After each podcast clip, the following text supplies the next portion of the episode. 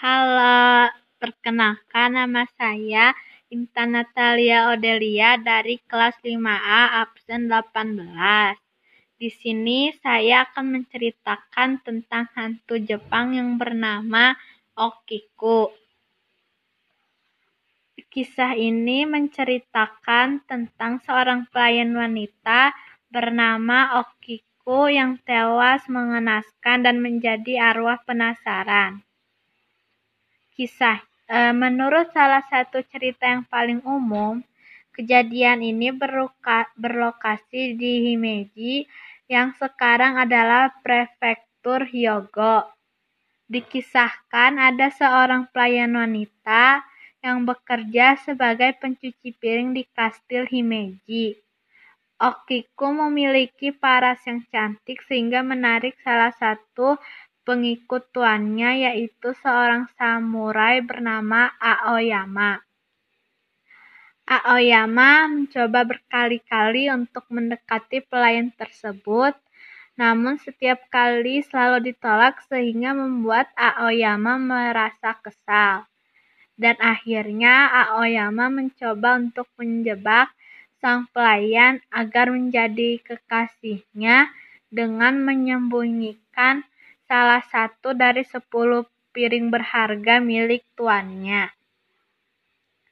Aonyama kemudian memanggil pelayan tersebut dan menanyakan keberadaan salah satu piring berharga milik tuannya yang hilang.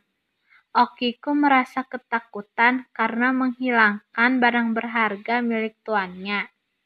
Adalah kejahat uh, adalah kejahatan yang pantas mendapatkan hukuman mati.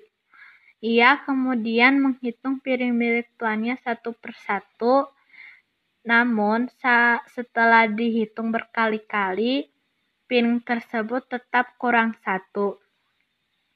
Aoyama mengatakan akan mengolong, menolong sang pelayan dengan mencari alasan kepada tuannya jika ia bersedia menjadi kekasihnya.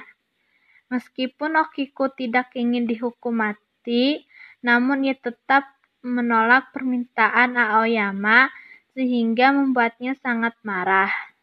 Aoyama kemudian menyiksa Okiku dengan menceburkannya berkali-kali ke dalam sumur.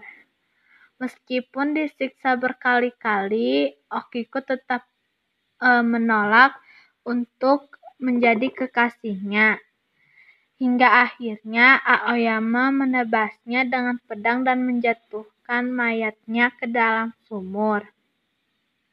Sejak saat itu, setiap malam arwah Okiku keluar dari dalam sumur dan mencari piring yang hilang di dalam kastil.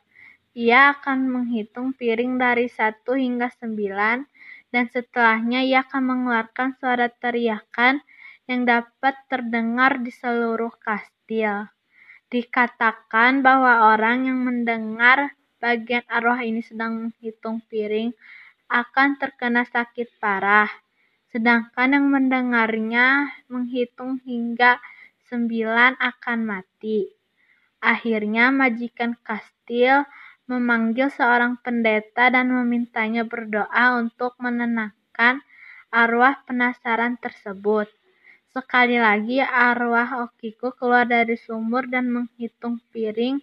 Satu, dua, tiga, empat, lima, enam, tujuh, delapan, sembilan.